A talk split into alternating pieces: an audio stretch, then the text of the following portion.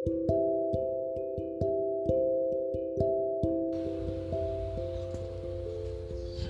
selamat pagi.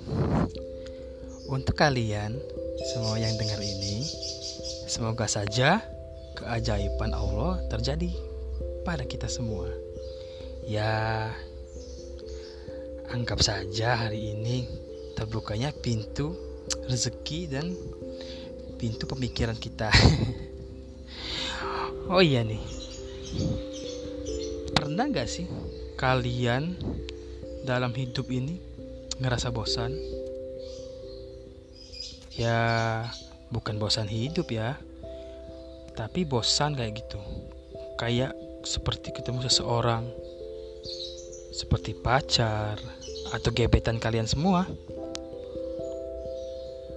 Nah, kalau gua gak tahu sih, gua akhir-akhir ini ngerasa jenuh banget apa karena hati gue yang lagi kacau?